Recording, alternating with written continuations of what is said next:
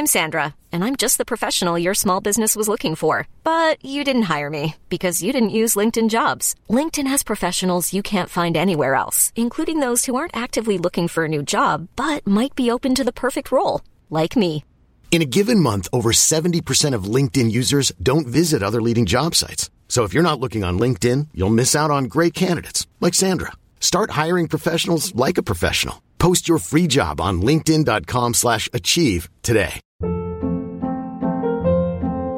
Hold up. What was that? Boring. No flavor. That was as bad as those leftovers you ate all week. Kiki Palmer here, and it's time to say hello to something fresh and guilt-free. Hello Fresh. Jazz up dinner with pecan-crusted chicken or garlic butter shrimp scampi. Now that's music to my mouth. Hello Fresh. Let's get this dinner party started. Discover all the delicious possibilities at hellofresh.com. Hey there, it's Michelle Norris. I'm host of a podcast called Your Mama's Kitchen. When I travel, I'm usually looking for a way to find a taste of home when I'm not at home. And one of the things I love to do when I am at home is entertain. And Airbnb allows me to do that. When I was in California recently, I rented a house that had a great kitchen. And when we were sitting around the table, we're all thinking, we're in someone else's house. Someone could be in all of our homes as well. If you have a home, but you're not always at home, you have an Airbnb. Your home might be worth more than you think. Find out how much at airbnb.com/slash host. Er du klar for påske, Øystein?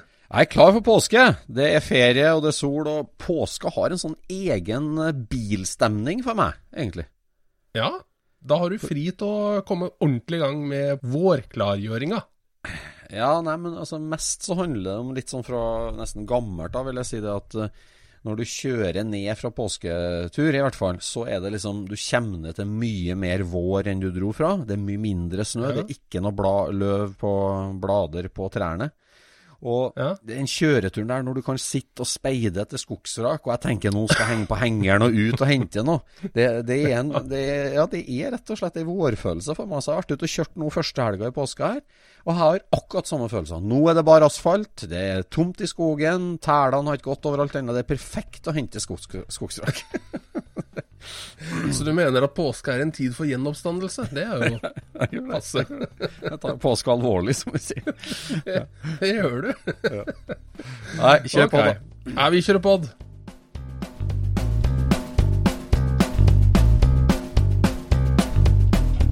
Du lytter nå til Scootspodden, en norsk podkast om klassisk bil med Jon Roar og Øystein.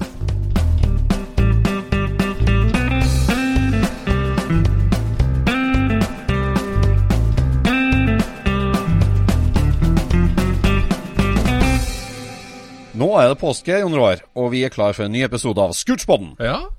Det er deilig. Nå sitter jeg her med varm kaffe, og vi er klar for en god bilprat. Og det er så godt. Ja. Og det gjør jo Ja. Men jeg har fått en veldig interessant mail, for jeg har vært ute og reist i to-tre dager innenfor smittevernregler og hensyn, 100% sikkert. Eh, og så kom, jeg, så kom jeg hjem til en veldig spesiell mail her. Jaha. For du husker jo uh, julemysteriet vårt. Ja. Eh, og Carrera-Porschen som ble akkurat for sein til. Og det er klart, der, det der har jo gått uh, videre nå sin gang. Og han nye eieren som uh, endte opp med den, da. Ja. Han har jo hatt den med seg nå til et, eh, til et verksted som skal se på gjenoppbygginga av den bilen. Og fått okay. et kostnadsoverslag. Og, og liksom eh, fått en vurdering av det som skal gjøres, da. Og så sendte han meg en mail nå, så sier han du, eh, nå har jeg vurdert litt prosjekt her fram og tilbake, og det, det blir jo en, et enormt prosjekt, og det krever entusiasme og stå-på-vilje. Jeg har hørt på den eh, eh, episodene fra den podkasten deres om, eh, om historien til den. Og, at, og, det her er et prosjekt som er for stort for meg, rett og slett. Tenker, og, vil du overta den for sjølkost? Spør han meg rett og slett i den mailen. Og jeg bare what, liksom? Er det sant? Og den fikk du i dag? Nei, et par dager siden, tror jeg. Ja.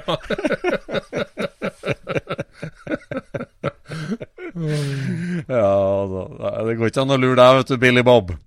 Eh, for når vi sitter og spiller inn denne episoden, så er det jo 1. april. Og nå Ja. tenkte jeg at nå hadde jeg et virkelig sak på gang her! Ah, Å nei, nå ble jeg egentlig litt skuffa, Ja, ja, ja, sånn kan det satt gå. også og tenkte på at nå går det rett over i påskekrim, tenkte jeg nå. Ja. Jeg lå og tenkte på den her nå så et par dager, at den her, den, den skal gå an nå, vet du. Men eh, nei. Det er derfor vi har utsatt på den helt i dag, ja. Ja, det er det. Men apropos aprilsnarr, da. Den derre rare Volkswagen-spøken som dukka opp, det var jo veldig merkelig. Eh, Skjønte Ja, Men var det det ikke, var det ikke litt lurt? Jo, det var jo litt lurt, men eh, var Altså, det dette, hvis, de hadde, hvis de hadde kjørt det stuntet der i dag, Mm. det hadde vært Det hadde ikke fått noe særlig spredning. Det er sant. Når du, gjør, sant. når du gjør det fire dager eller fem dager før 1. april, Mm. så tenker alle det kan jo ikke være en aprilspøk. Nei. Nei, det, det, det fikk- april.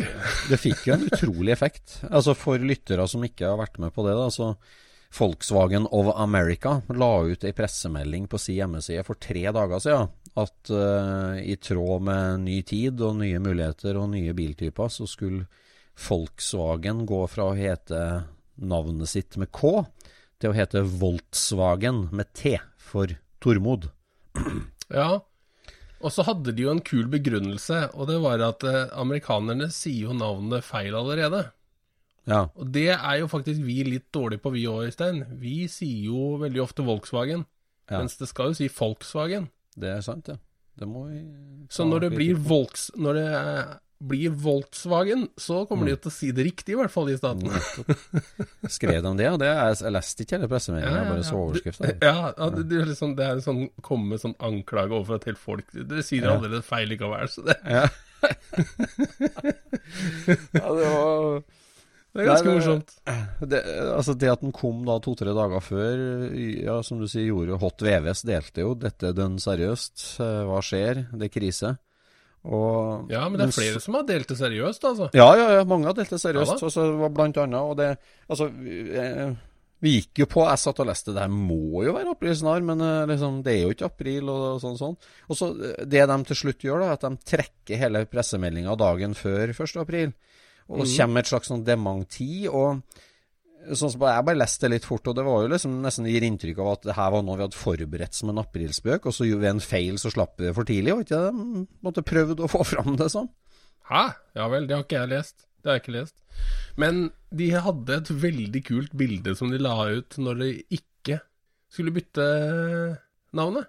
Ah, ja. Så, så, du, så du det, Nei. eller? Nei, så det. De hadde tatt et bilde av den der tyske strømkontakten, eh, men de hadde satt inn bildet opp ned, etter hva jeg tror. Så, og da blir det som en et sånt, Da er det to øyne, sånn som den vanlige sjukommen Ja, ja, i Norge, ikke sant? Ja. Og Også med den der jordingshullet under, Ja, så ser den veldig sjokkert ut, liksom. Ja, ja, ja. Og det er ganske gøy. Det var veldig gøy. Det var veldig gøy. Ja, det er jo den amerikanske stikkontakten du mener. Du Nei, sa den, har den, den har den derre Ja, var det det det var? Ja, ja, ja. Var det med den derre avlange jordingspiggen, sånn jordingspiggen, eller hva det er? Ja, ja, ja. Nei, det er det amerikansk, det var, ja? amerikansk kontakter, det er det. De Tyskerne har en sånn pigg, de òg, men den står kanskje utover den. Ja, den står utover den. den Ja, sånn er det, vet du. Sånn er det. Så det var rett og slett en amerikansk som var sjokkert? Ja, Ja, det er enda det- bedre, det. Ja, det er enda bedre. Nei, det, de har jo alltid vært enorm på marketing, og det der var jo et veldig artig stunt, altså. Ja, men det beste her var jo de, de reklamene som de kjørte på 50-tallet. Ja, Det var genialt, altså. Det var genialt. Det står som en bauta i, i markedsføringsfaget, i hvert fall. Du møter jo stadig ikke-bilinteresserte som har gått på markedsføringsskole og lært om den kampanjen der. Så det Ja. how, to, how to make your Volkswagen look 10 years newer. Paint it. Ja. Nei, det, det er virkelig konge. Nei, det var It litt makes your house look big. Ja.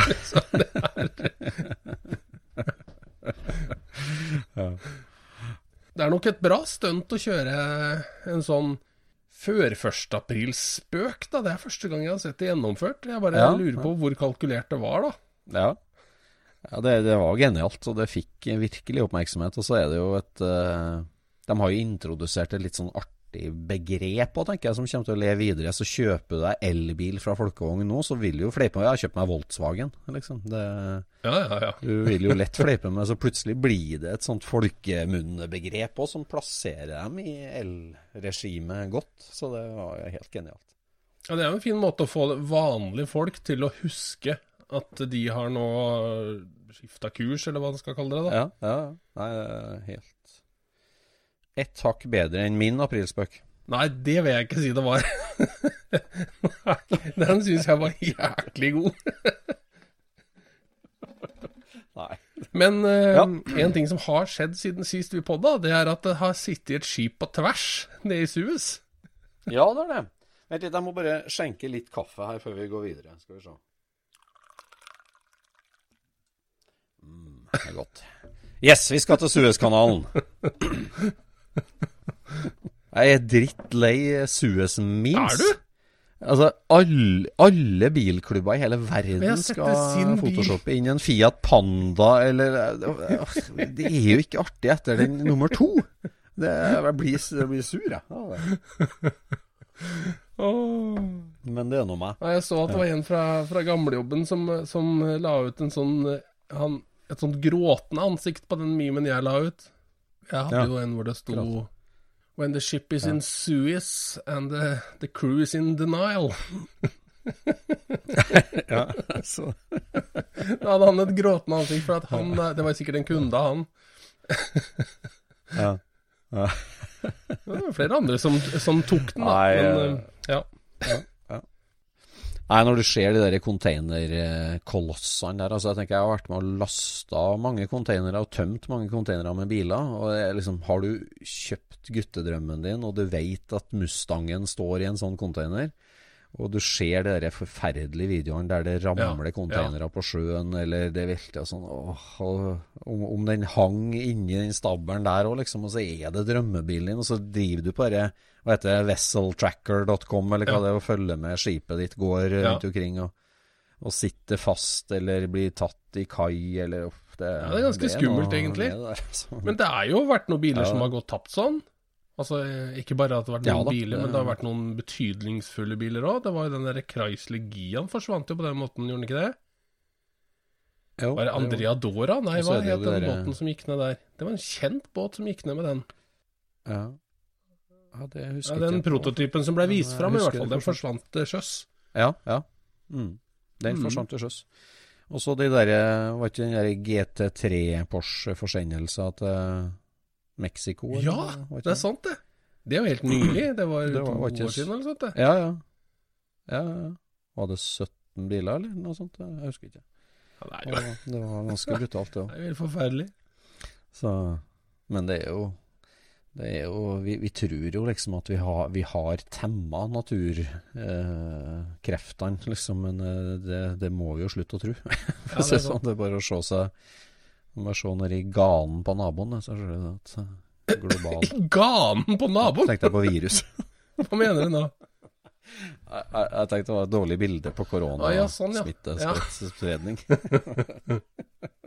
Nei, Jon Roar, har det vært noe mekking i det siste? Eh, ja, jeg hadde hjalp en kar med litt sånn klargjøring av en eh, 63-modell.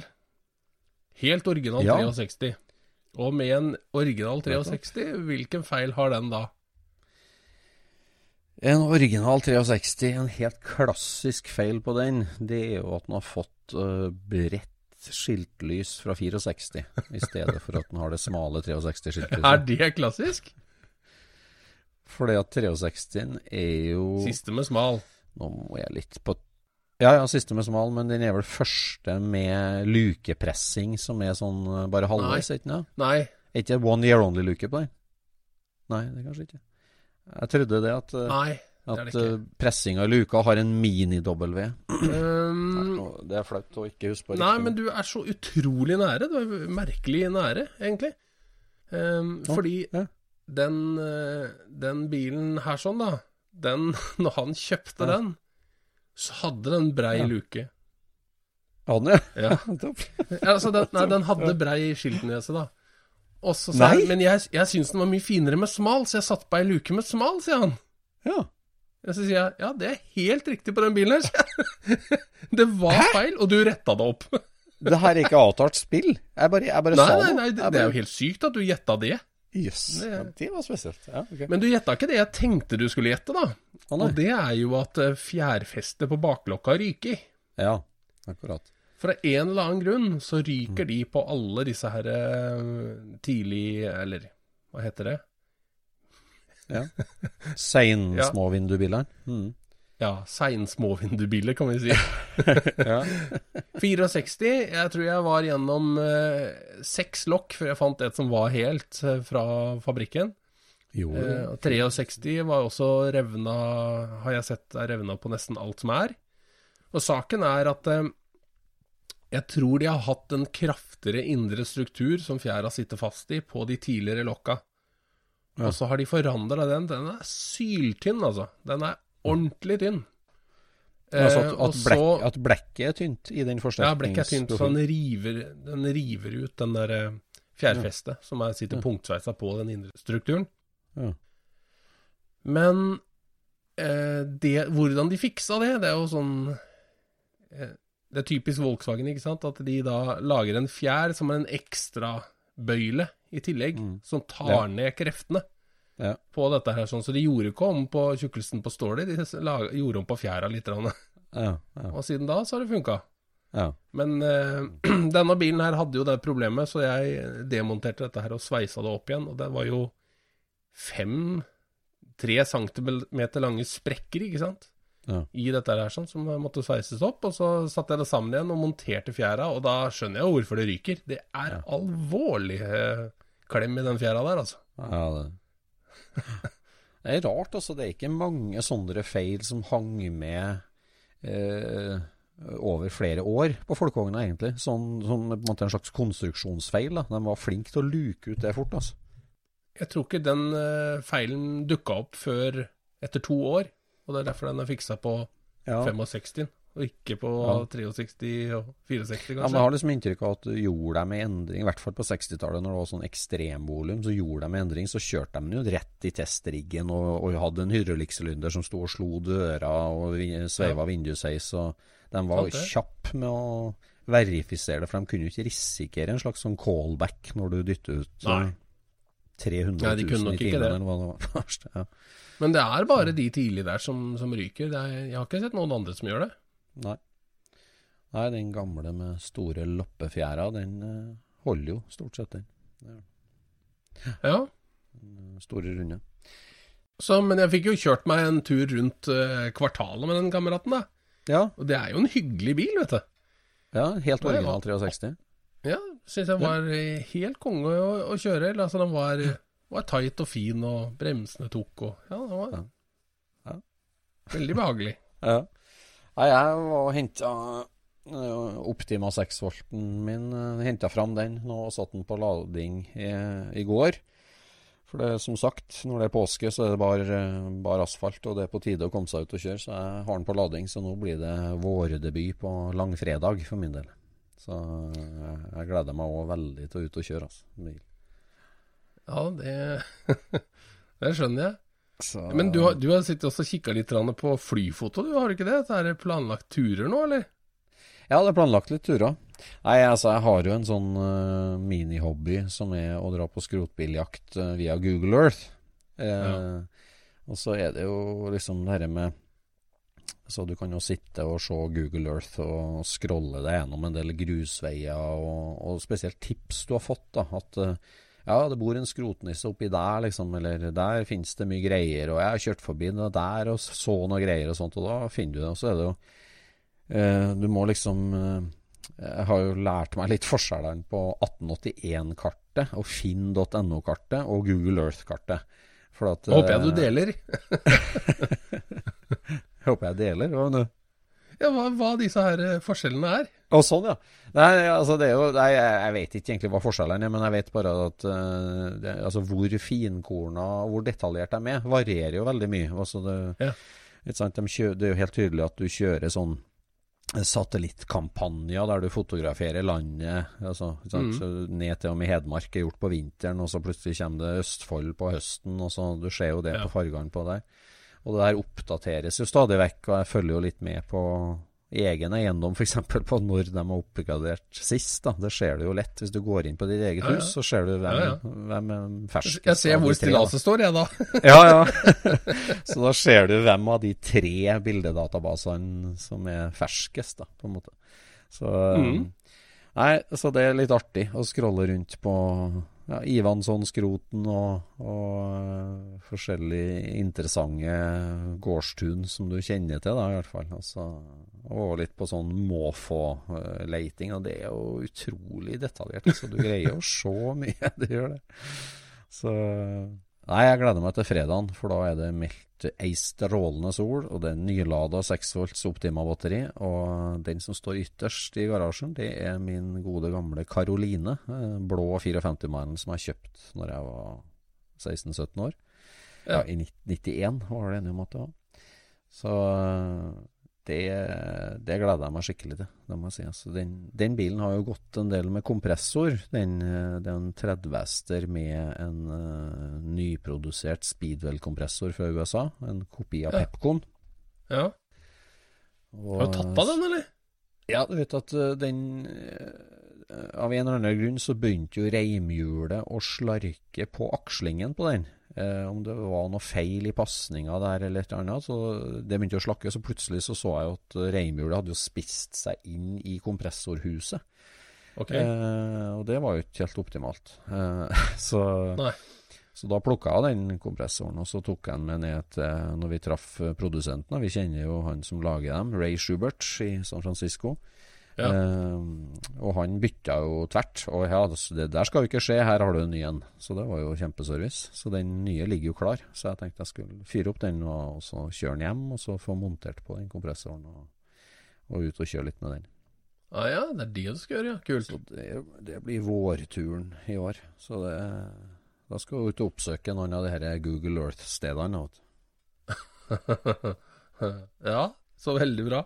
Men ellers har jeg holdt på en del i garasjen, ja. Driver, driver, nå driver jeg med for når, når, det ikke er sånn tidspress. Når vi mista liksom tysklandsturen sankthansaften 2021, mm. når det ble utsatt et år, så mista jeg liksom hele prosjektpresset mitt. Så, så, nå er jeg litt sånn all over the place. Nå... Er det forefallende nå, da?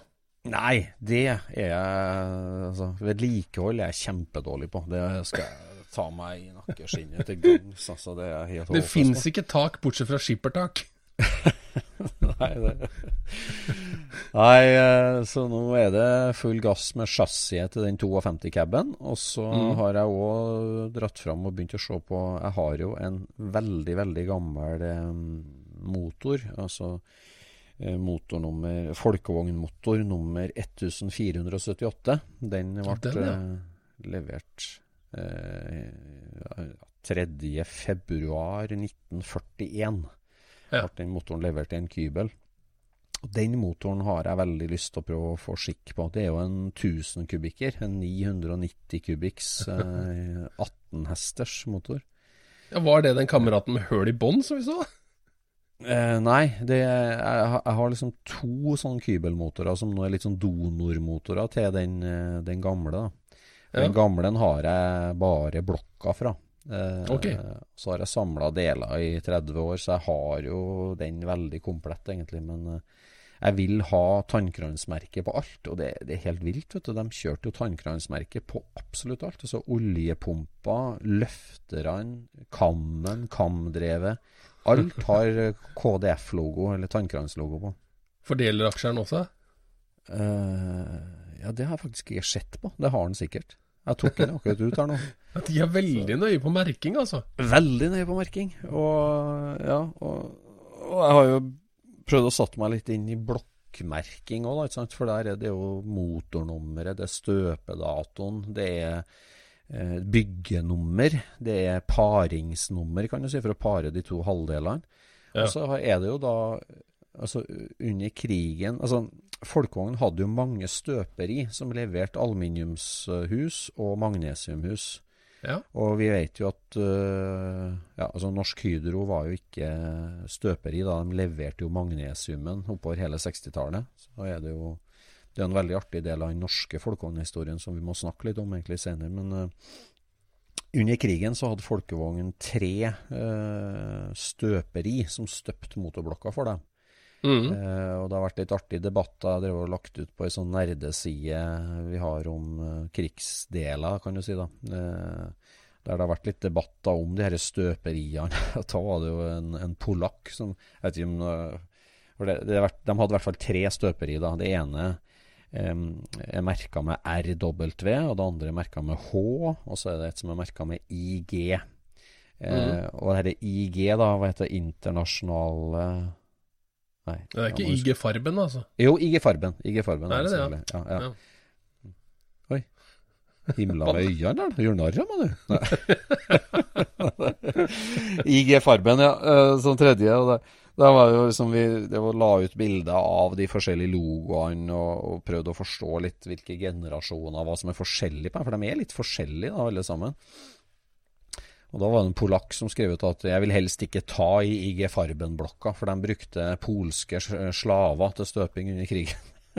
så så, så det, det, det blusser opp litt vonde ting. Det er eh, Nei, det er, det er jo en eh, problematisk eh, tid. Altså, du kan nesten Det er veldig vanskelig å være folkevogninteressert rundt de tinga der uten å havne i en veldig dårlig gruppering. Ja. Ja, det er veldig, veldig vanskelig. Det der er et tema som vi ikke skal snakke om, på en måte. Eller, ja, det, det er et vanskelig tema som vi ikke er så opptatt av.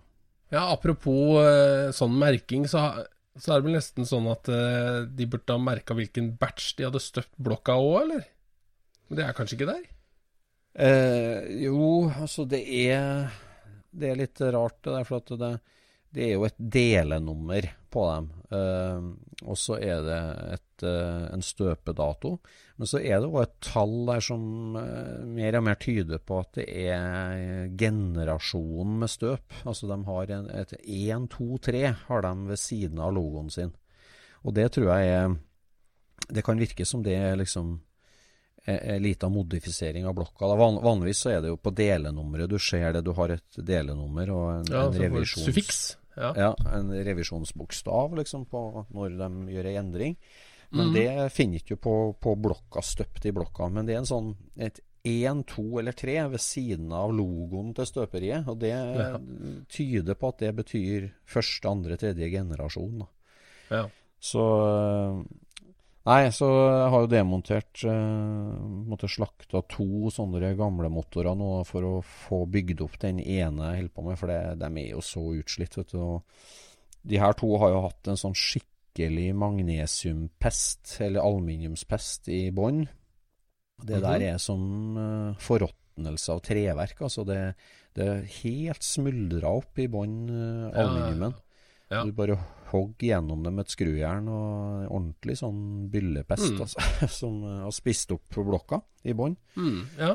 Og så er de utslitt. da. Den ene motoren kommer fra en Schwimwagen som har vært med i krigen i Polen. Eh, og hadde jo en blåst topp når jeg kjøpte den da som delemotor, da, men jeg demonterte den ut. Og den hadde jo altså Ja, den hadde en halv centimeter slakke på det ene rådelageret. Altså. Det var en halv centimeter. Eh, så der Det er Snakk om rådebank, altså. Det, den, den har gått kraftig. De andre andre ting å tenke på, de gutta som kjørte den. Ja. Nei, den har levd videre i en Ja, den har det, ja. polsk 20-seter kanskje, eller sånt, på 50-tallet. jeg vet ikke. 20-seters ja, den har nok vært brukt. Den hadde en del rare modifiseringer, så den har vært brukt til noen rare greier, tror jeg. Så, Ja, men da Nei kan da. du jo sveise opp den blokka igjen, da. Siden du skal linjebore uansett. Ja, jeg får jo en par blokker til overs her nå, for det er jo den gamle blokka jeg skal bygge opp. Så jeg lurer på om de blir eh, gjort rein ordentlig og så lagt ut for salg. Eh, Jeg ser det jo flere skal du kappe av bånd på én og sveise på en annen. Ja, ja, det går an å donere fra en nyere motor òg, for så vidt. Og, og sveise inn, og det går an å Men eh, jeg ser jo nå at jeg har jo lagt ut noen bilder av det der på Instagram, blant annet, og sånn, og det er jo en del amerikanere som har sendt melding til meg at ah, wall art, eller eh, liksom eh, Hva kaller de det? Altså eh, piece. Ja, kan du se, for liksom ser dem tannkrans, så er det stas, ikke sant? Så for, jeg tror nok at Men når vi sier tannkrans, så er det Folkvogn-logoen, den forrige utgaven, ja. med den ytterste ringen bytta med et tannhjuls... eh, Ja, en tannhjulskrans, da. Ja. En grov tannhjulskrans.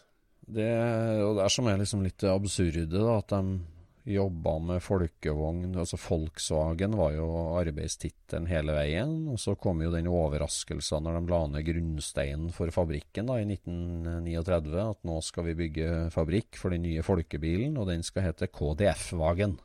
Så ble mm. det liksom det navnet KDF-vagen uh, introdusert, og det er jo sånn KDF var en organisasjon à la LO, på en måte. LO-bilen ble den jo da døpt. Ja, ja, ja. Men, men logoen med VW, den øh, ble jo brukt til firmalogo på, på veggen på fabrikken, og på alle delene. Altså rundingen med VW inni. Aha, så det var bare produsenten, på en måte, det da? Det var ikke navnet, det var bare produsenten? Ja, det er vel det. Du kan si sånn at KDF-vagen ble brandnamet på bobla. eh, mm. og, og fabrikken var Volkswagen Verk. Så, Mm. så den derre tannkranslogoen ble jo brukt da helt opp til, til Altså det var det første de allierte gjorde når de starta produksjonen høsten 45, da, etter krigen. Så ble jo den tannkransen tatt bort for å vise at nå er det en ny type folkevogn eh, Mm. som kommer. Så den her tannkranslogoen, den hang med var, ja, var brukt veldig flittig da under krigen. Og, så det er alltid hyggelig å skrape gjørme og drit på noen sånne deler og vaske dem rein, og plutselig så kommer det fram en sånn tannkranslogo. Det har jeg gjort mye nå de siste dagene. Det har aldri skjedd meg. Nei. Men eh, det der med batcher, vet du, det har jo jeg kommet borti eh, med den lille greia som jeg driver og lager. Ja.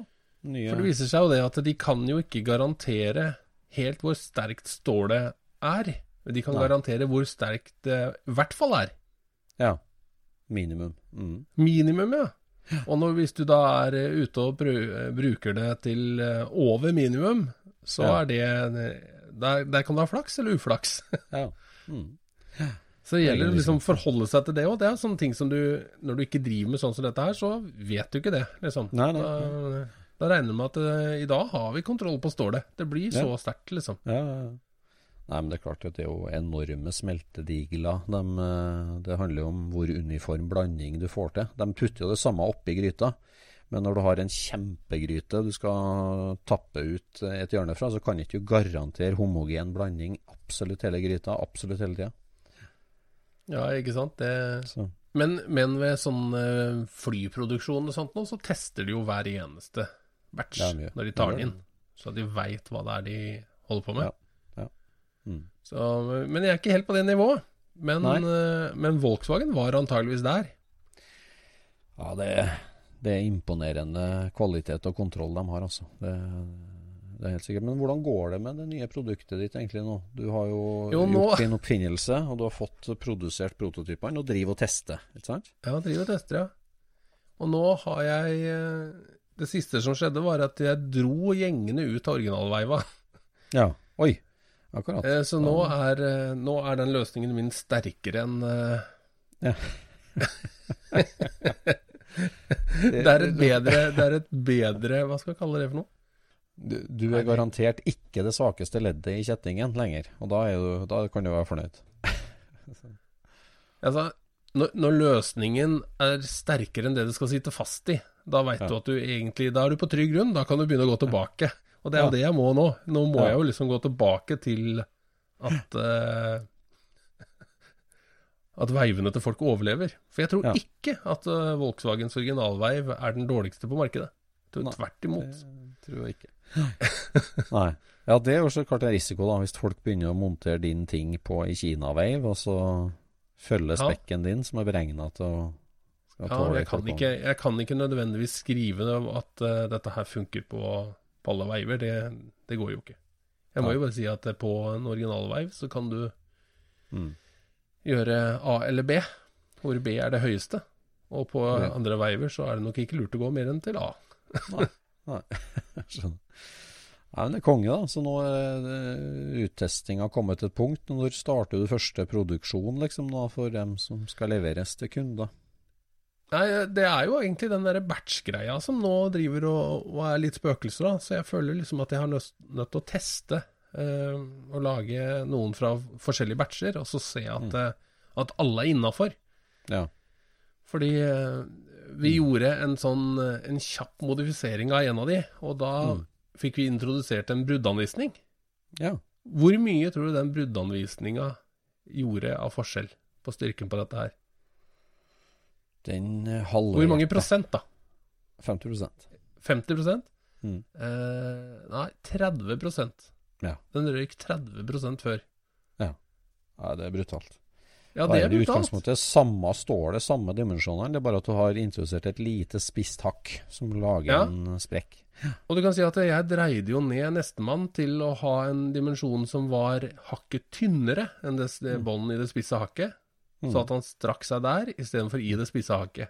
Da Mm. han 30 mer. Ja. Det er sånne ting som er vanskelig å tenke på, vet du. For det, Det blir det sånn. Liksom. Ja. Det er eh, I hvert fall for oss som ikke driver med dette til hverdags, kan du si. Ja. Nei, det der er utrolig, utrolig viktig. Eh, Eller, ja. Jeg husker når vi drev og utvikla krasjstrukturen på Thinken òg, med de her bjelkene for å der, der skal du jo lage en, en eh, 60-70 cm lang rammevange som du skal initiere at den skal krølle seg som et trekkspill. Du skal få Ja. Absolutt mest mulig bøying for å ta opp mest mulig krefter. Det er jo det. Du skal lage en svamp som suger til seg krefter. Men skal den begynne å eh, krølle seg ytterst òg, eller?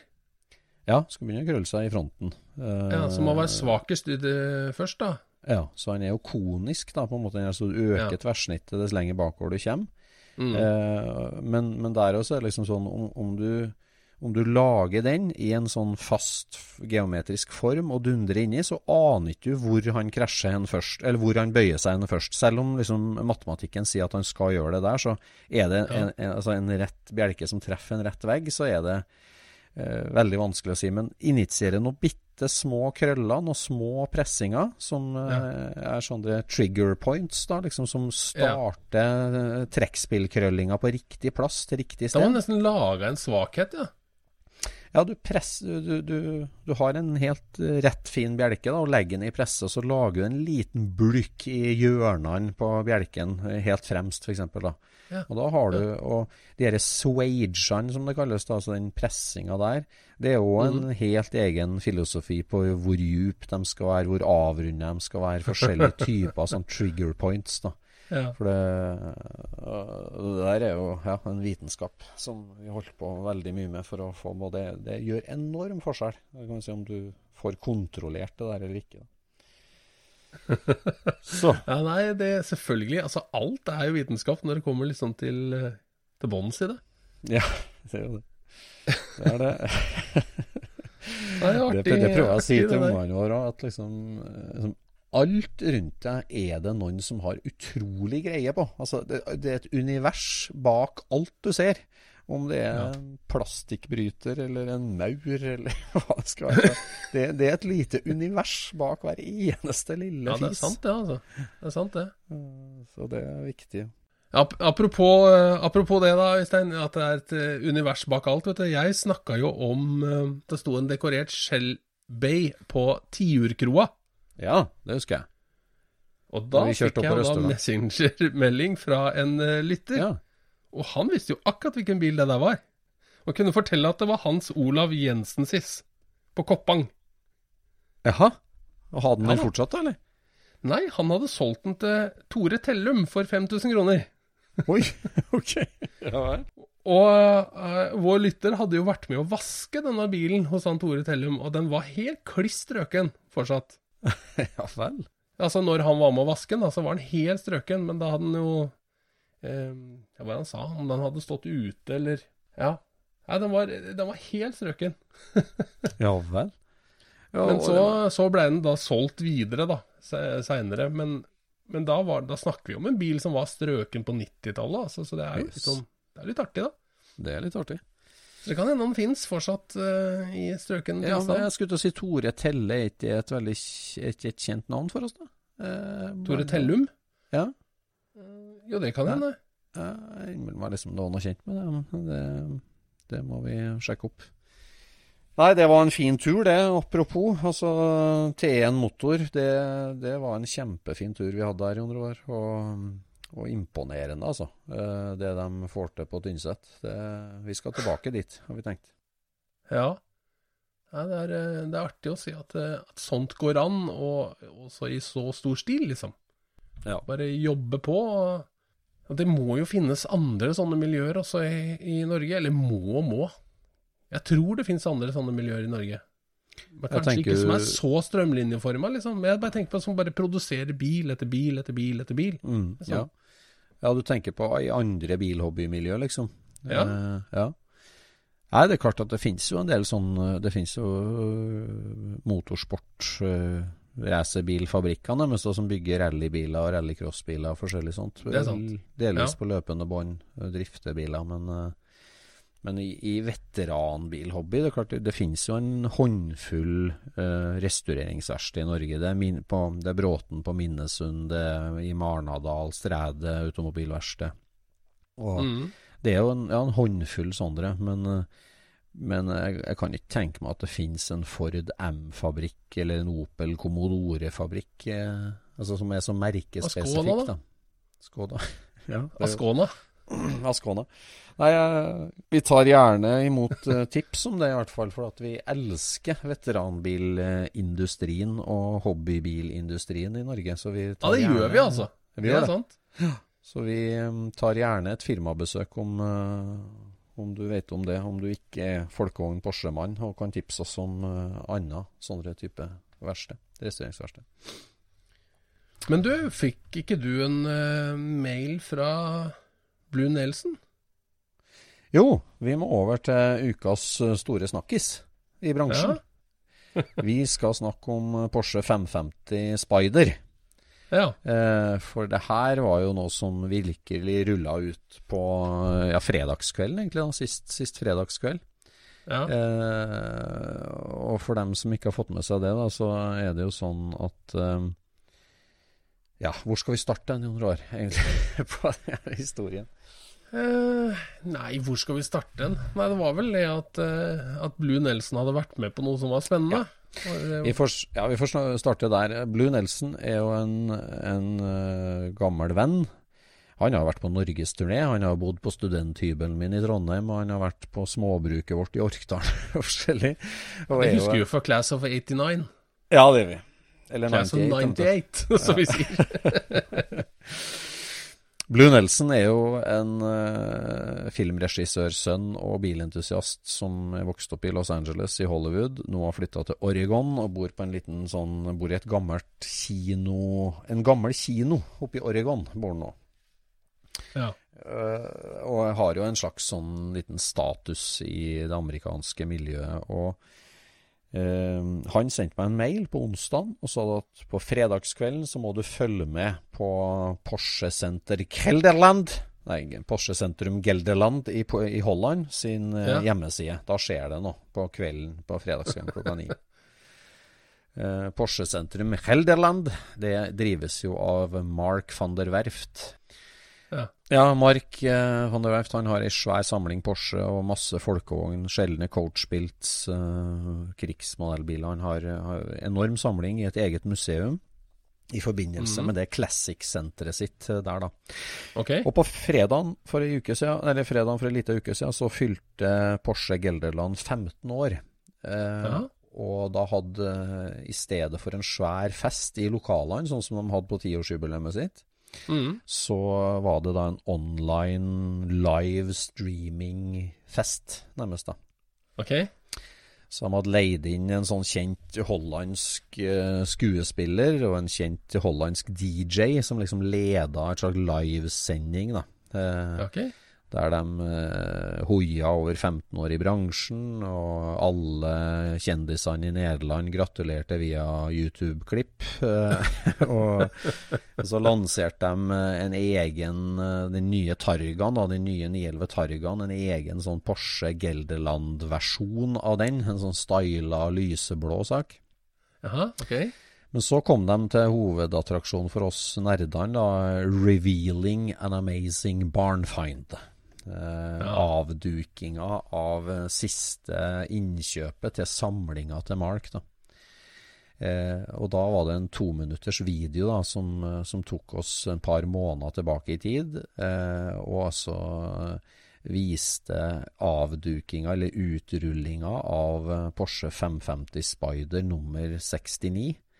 Som, eh, som rulla ut av en container i Los Angeles. Så det er en ganske utrolig historie, altså. Uh, den historien. Og det er klart Altså, ja. Historien til bilen er helt utrolig, men i hvert fall det som skjedde på fredag, var at de da viste en film at den rulla ut. Og den står jo nå i en container på vei til, til Holland og, og skal rulle Og den containeren som de rulla den ut av, det var jo i bakhagen til, eh, til han som hadde eid den i massevis av år. Ja, det er det som er så utrolig med det her, da. For at uh, den bilen, altså 550 Altså en 550 Spider, vi må spole kjapt tilbake, det var jo Porsches første ordentlige racerbil. Som ble lansert mm. i 53, på våren 53. Bilmerket Porsches første racerbil. Bilmerket Porsches første racerbil, det er riktig. Veldig Mm. god presisjon, kjære venn. Mm. Veldig god presisjon. Ja. Eh, bilmerket Porsches første For det Altså, Porsche 356 var jo en, en, en sportsbil. Eh, det var jo i utgangspunktet ikke en fullblods racerbil. Kjørte jo mange løp, og så skjedde jo det at eh, Porsche-forhandleren i Østerrike, Walter Glöckler, han eh, begynte å sette Porsche-drivverket i noen hjemmelagde rødramme-aluminiumskarosseribiler. Ja. Og, og viste jo at det gikk an å kjøre fort med bitte liten og lett Porsche-motorisert bil. ja. Og så lanserte da eh, Porsche sin modell 550 eh, til Le Mans i mai 1953. Mhm. Eh, og det ble jo da starten på en serie på 90 biler, Porsche 550 Spidere. Og de 90 bilene, av dem så finnes det vel igjen ca. to tredel i dag. Der tallet skulle vi hatt nøyaktig. Og de omsettes for i området 5 millioner dollar i dag for en sånn bil. ja. Og de 90 bilene er jo veldig spora opp og jakta opp og, og fulgt opp. Og de fleste er jo out in the open. De er kjent, og de er dyr, og de går på auksjoner av og til, og de er i forskjellige samlinger rundt om i verden. Men en av de bilene, nummer 69, det er jo feil å si at ingen visste at den hadde overlevd, for det, noen visste det. Men det er klart at den derre veldig aktive sporinga av sånne biler, den, den starta jo på en måte på jeg vil si 80-tallet. Altså når, når, når Mhm. prisene begynner å ta helt av, og, og det blir veldig mange over hele verden som virkelig jakter den ned. Så oppover 70-tallet så er det liksom litt sånn It's just an old car, på en måte, og den bytter Ja, ja. hender og litt sånn. Så, så på 80-tallet så starter jo liksom ganske systematisk jakt på chassisnummer. Så dem som var gjemt unna før det, og ikke har vært fram i hele tatt på 80-tallet, eh, de har gått veldig under radaren. Ok. Og, og nummer 69 var en sånn bil. Den, den, eh, den var levert ny til California eh, til en kar som hadde to 550-er, som kjørte en del løp da i 56, 57, 58. Mhm. Og så gikk den bilen til, til, Hol- til, til Hawaii. Han ble solgt til Hawaii, og, og var på Hawaii en par-tre år Ja. eh, og konkurrerte der. Og så var det da en kar i Los Angeles som, eh, som hadde en Porsche eh, altså, ja, så, så, så han kjøpte den da i 1963. Les Gundersen. Han er sikkert svensk avstamming, vet du. Les Gundersen. Les Gunnerson han kjøpte den bilen fra Hawaii i 1963. Ja. Tok den med seg hjem til en sånn uh, bitte liten gård, på en måte, eller en, uh, et, landlig hus på en av fjelltoppene rundt Orange County. Mm. Uh, og, sa, og, og kjørte vel ett løp med den i 63, men da var han ganske utdatert og, og gammeldags allerede da, så han parkerte den i en garasje hjemme på eiendommen sin. Så han kjørte eh, vel ett løp med den 550 og fant ut at eh, den var utdatert og gammeldags. Så i 1964 da, så dro han ned på Porsche-forhandleren i Los Angeles og kjøpte seg en splitter ny Porsche 904. Den helt nye racerbilen. Og han Les Gunnerson da, han konkurrerte litt med 904-en i 60-tallet. 550 sto hjemme i garasjen. Og så oppå i 70-tallet så begynte han mer og mer motorsykler og Ja. motorsykkelracing. Og, øh, og kjøpt seg en del motorsykler, sjeldne, spesielt engelske sykler og forskjellig sånt. Ja. Og så på 80-tallet så var det jo en sånn strømning med Porsche-feber, og, og dem, altså 550 og 904 begynte å liksom virkelig klatre i verdi. Og da dro han fram den 550-en sin og, og på en måte restaurerte den. Han lakkerte den i hvert fall. Og, Ja. og shina den opp litt. Fikk Carrera-motoren til å gå, og, og fikk den liksom i gang. Men han, han var ikke noe veldig interessert i det. Han fokuserte på motorsykler, så den ble bare stående. Eh, den Ja. bilen som var lakkert da i 1980. Mm. Og de to bilene dytta han inn i en container. Han, ettersom han kjøpte seg mer motorsykler og mer bilprosjekt, så kjøpte han seg containere som han stilte opp oppå den her lille hillen sin da utafor Los Angeles. Mhm. Og, og der sto de her bilene egentlig og, og forsvant fra bevisstheten og, og minnet til folk. Det, det er helt sikkert noen 550-professorer som visste om de bilene og fulgte med, men de var, har i hvert fall vært oppført som, som borte i, i flere register og lister, og de, de var ikke kjent eh, for eh, den gemene hop på noe vis. da. Og for, eh, altså for ganske nøyaktig ett år siden da, så dør Les Gunnerson. Eh, da er han en veldig gammel mann, og han dør. Og så har han to døtre som arver da en eiendom som sikkert er verdt masse penger, men det er et veldig utslitt, gammelt, lite hus oppå en sånn liten fjelltopp, da, som sagt. Mm. Og de begynner å åpne garasjer og containere. De visste jo at faren hadde mye greier, selvfølgelig, men eh, og, og liksom, hvordan, hvor starter vi hen? Jo, vi starter med det som er eh, Vi, vi, det, vi skal selge alt dette her. Eh, De kjente ingen i liksom miljøet på noe vis i hele tatt. Så, men vi, vi må få solgt unna dette her. Eh, liksom. Så da starta jeg med det som er lettest, og det er motorsykler. Og det var mange motorsykler. Det var en 40-50 engelske motorsykler. Ja. En ja. del gamle, gamle racingting og sjeldne ting.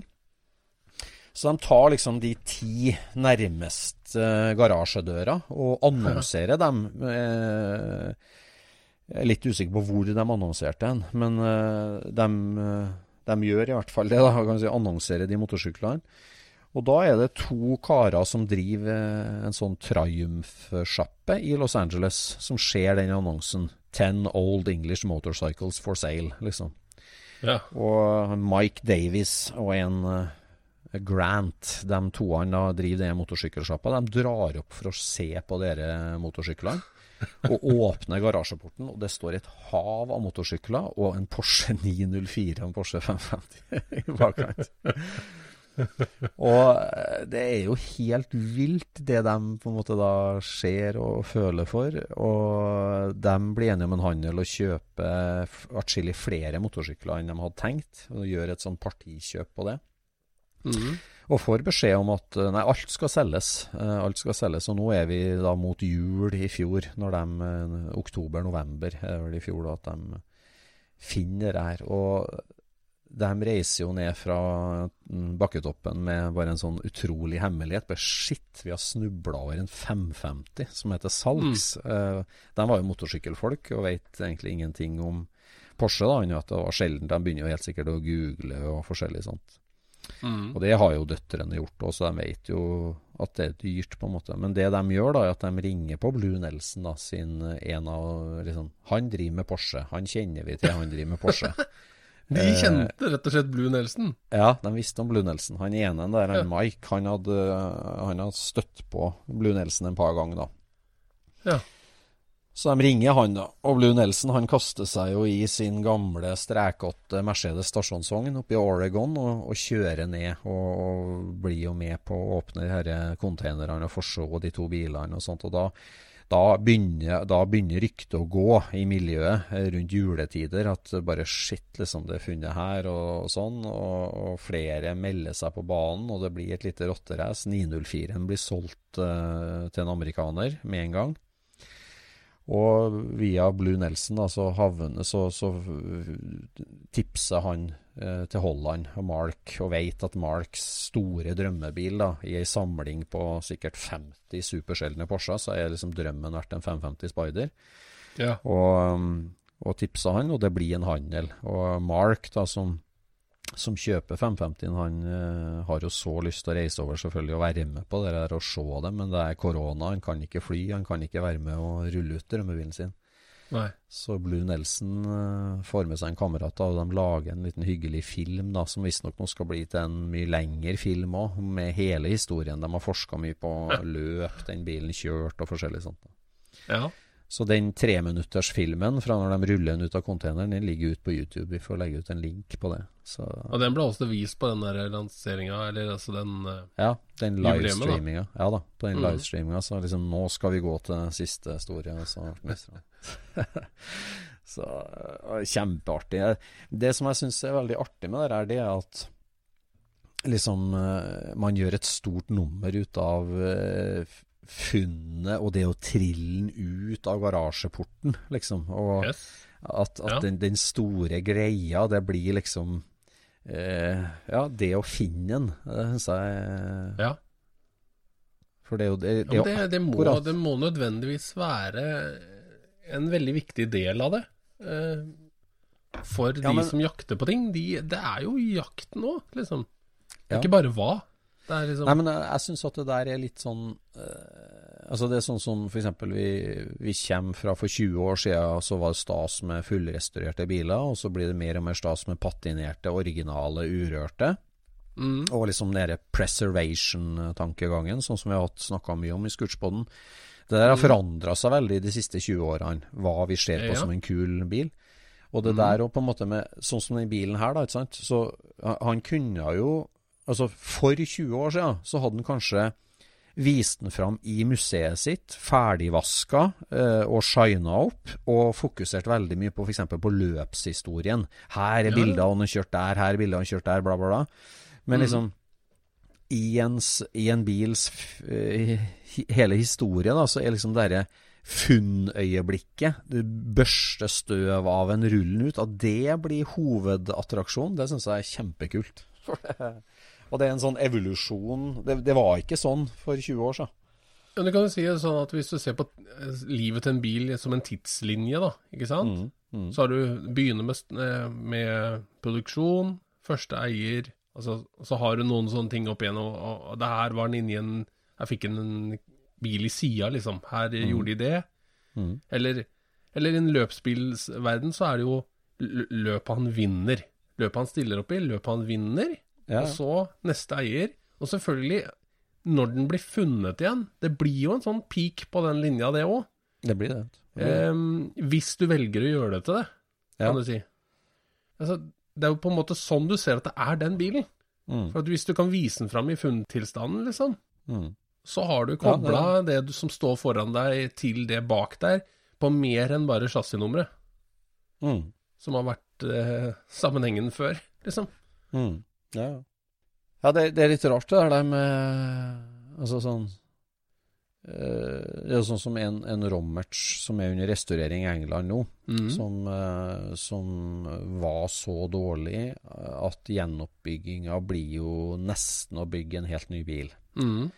Eh, men eh, ja, det blir nesten å bygge en helt ny bil. Og den kommer jo nå til å premierevises om et år, kanskje, eller sånn, som en nyrestaurert, ferdig bil. Mm. Og den er jo så strøken og så på mange måter nybygd da, at det, det, det går på en måte an å stille spørsmål ja, hva starta du egentlig med? Har du bare bygd en ny en, eller Mhm. starta du med noe? Mm. Så de digitale filene som Mhm. finnes bevart av den i funntilstand, kan vi si, Mhm. så dårlig som den var, Mm. det er jo livsviktig bevis Ja. på at, eh, at, at det er en ekte bil. Ja, ja. For det, og det er rart liksom, når, når det nesten ikke er noe metallfragment igjen, da, på en måte. Nå er det jo, men det er veldig vanskelig å peke på dem. Mm. Eh, så blir jo de bildebevisene som bare er noen digitale pixels på en memory stick, det sånn, det, det er liksom et livsviktig bevis for den bilens ekthet. da. Ja, det er sant, det. Nå ser jeg jo eh, Nå begynner det å hjelpe veldig på den derre W38-en. Ja. Rekonstruksjonen av folkevogn nummer 26, Ja, som pågår i Berlin. Ja. ja. Og der er jo egentlig bare tunnelen som er eh, Som er fra den bilen, kan du si. Altså den bærende stammen i midten. Men jeg må jo si at når jeg ser liksom det der karosseriet vokse fram eh, For der kommer det jo bilder eh, Er det hver måned eller noe sånt nå? Noe à det. Da ser du liksom at dette her eh, oppstår foran øya på deg. Og det, jeg føler jo mer for det karosseriet der enn jeg gjør for en som bare lager noe, liksom. Altså den De har liksom klart å få DNA fra, fra tunnelen til å gå litt inn i karosseriet, på et vis. Ja. altså, altså at det, når de to tinga er på bildet sammen hele tida, så blir det litt sånn Ja, nå, nå blir det et nytt karosseri på den. Men det er på den. Ja. Det er ikke liksom sånn Ja. Her er det en helt ny ting, og så henger det en gammel ting på. For det kunne man, hadde man vært litt sånn negativ type, så hadde man jo sagt det. Alt der er Mm. nytt, og så har de hengt på én gammel ting, liksom. Mm, mm. Men når du ser det vokse det fra den og opp, det er eh, bra triks, altså. ja, det, ja, der er jo liksom prosessen og bildene uendelig viktige òg, da. Jo, det er det. Om, om det bare plutselig har stått der. Så, Ja. så det er klart, den derre tominutters YouTube-videoen som ligger ute nå, den er jo Den dokumenterer Den kobler jo den bilens gamle liv med det nye livet. Liksom. ja, ja det absolutt. Ikke, En viktig del av det, liksom. Veldig viktig. Ja. Nei, det var artig. Jeg syns det var Altså, det er jo litt sånn koronasituasjon som gjør det, da, men, men det òg at du kan være med på en sånn digital eh, fest, da, eller sånn bil En, en digital bilhappening. Jeg satt her på stabburskontoret mitt og, og var med på en fest i Holland som var Som jeg vet at det satt masse amerikanere, og mange av de her bilnerd-communityen satt og liksom var i samme gryta. Det Ja, var litt ja, ja, ja. Jeg det var Det er kult. kult, det der. Men det ser jeg også med disse, her, eh, disse store auksjonshusa. De lager kjempebra filmer hver gang de skal selge noe dyrt. Ja, de gjør det. Det har begynt å bli veldig vanlig at de lager en ordentlig god eh, dokumentar, liksom. Og så til slutt så står det bare 'denne skal selges på Mikom', liksom. Ja. ja, det er sant. Det er sant. Det er en eh, fin måte å få folk positive i forhold til hva det hva det, Ja, det hva det blir, liksom. Måte å hype opp det. Nei, så når eh, den islandske 46-bobla nå skal rulles ut av restaureringsverkstedet, så blir det en sånn digital launch. Ja. Nei, jeg, jeg, ja, ja. Nei, vi er ved veis ende på eh, Scootspoddens påskeepisode. ja, vi får komme oss ut i, ut i sola. Ja, vi må det. Så eh, ses vi om ei uke igjen. Det vi. høres vi, heter det selvfølgelig. Ja. Vi høres om ei uke. Det gjør vi. ok. Ha det bra. Ha det bra. Scootchpoden produseres av SSC Media, med god hjelp av VV Norge og Trond Dahl for hosting, Knut Micaelsen for musikk. Abonner på Scootchpod via podcaster eller Acast, og følg Scootchpod på Instagram og se det vi snakker om. Der kan du også komme med kommentarer og innspill, og fortelle oss hva du vil høre om.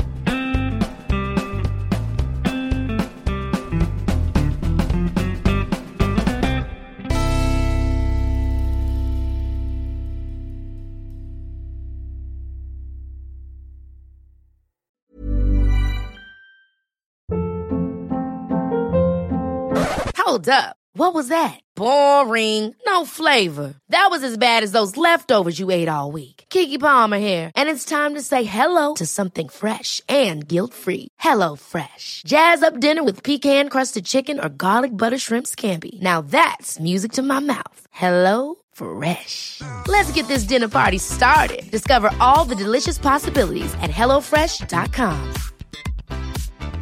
The secret to visibly firmer, summer ready skin is here. Osea's number one best selling Andaria Algae Body Oil. Clinically proven to instantly improve skin elasticity and transform dull, dry skin to silky, soft, and unbelievably glowing. Rich yet never greasy, Andaria Algae Body Oil is formulated with sustainably sourced seaweed to help replenish the skin's moisture barrier and seven nourishing active botanical oils for results you can see and feel all over. The best part? Its signature scent. A blend of freshly squeezed grapefruit, cypress, and mango mandarin transports you to sun kissed summer days. This all natural scent is unforgettable. Everything Osea makes is clean, vegan, cruelty free, and climate neutral certified, so you never have to choose between your values and your best skin. Get healthy, glowing skin for summer with clean vegan skincare from Osea. Get 10% off your first order site wide with code GLOW at OseaMalibu.com. That's oseamalibu.com code GLOW.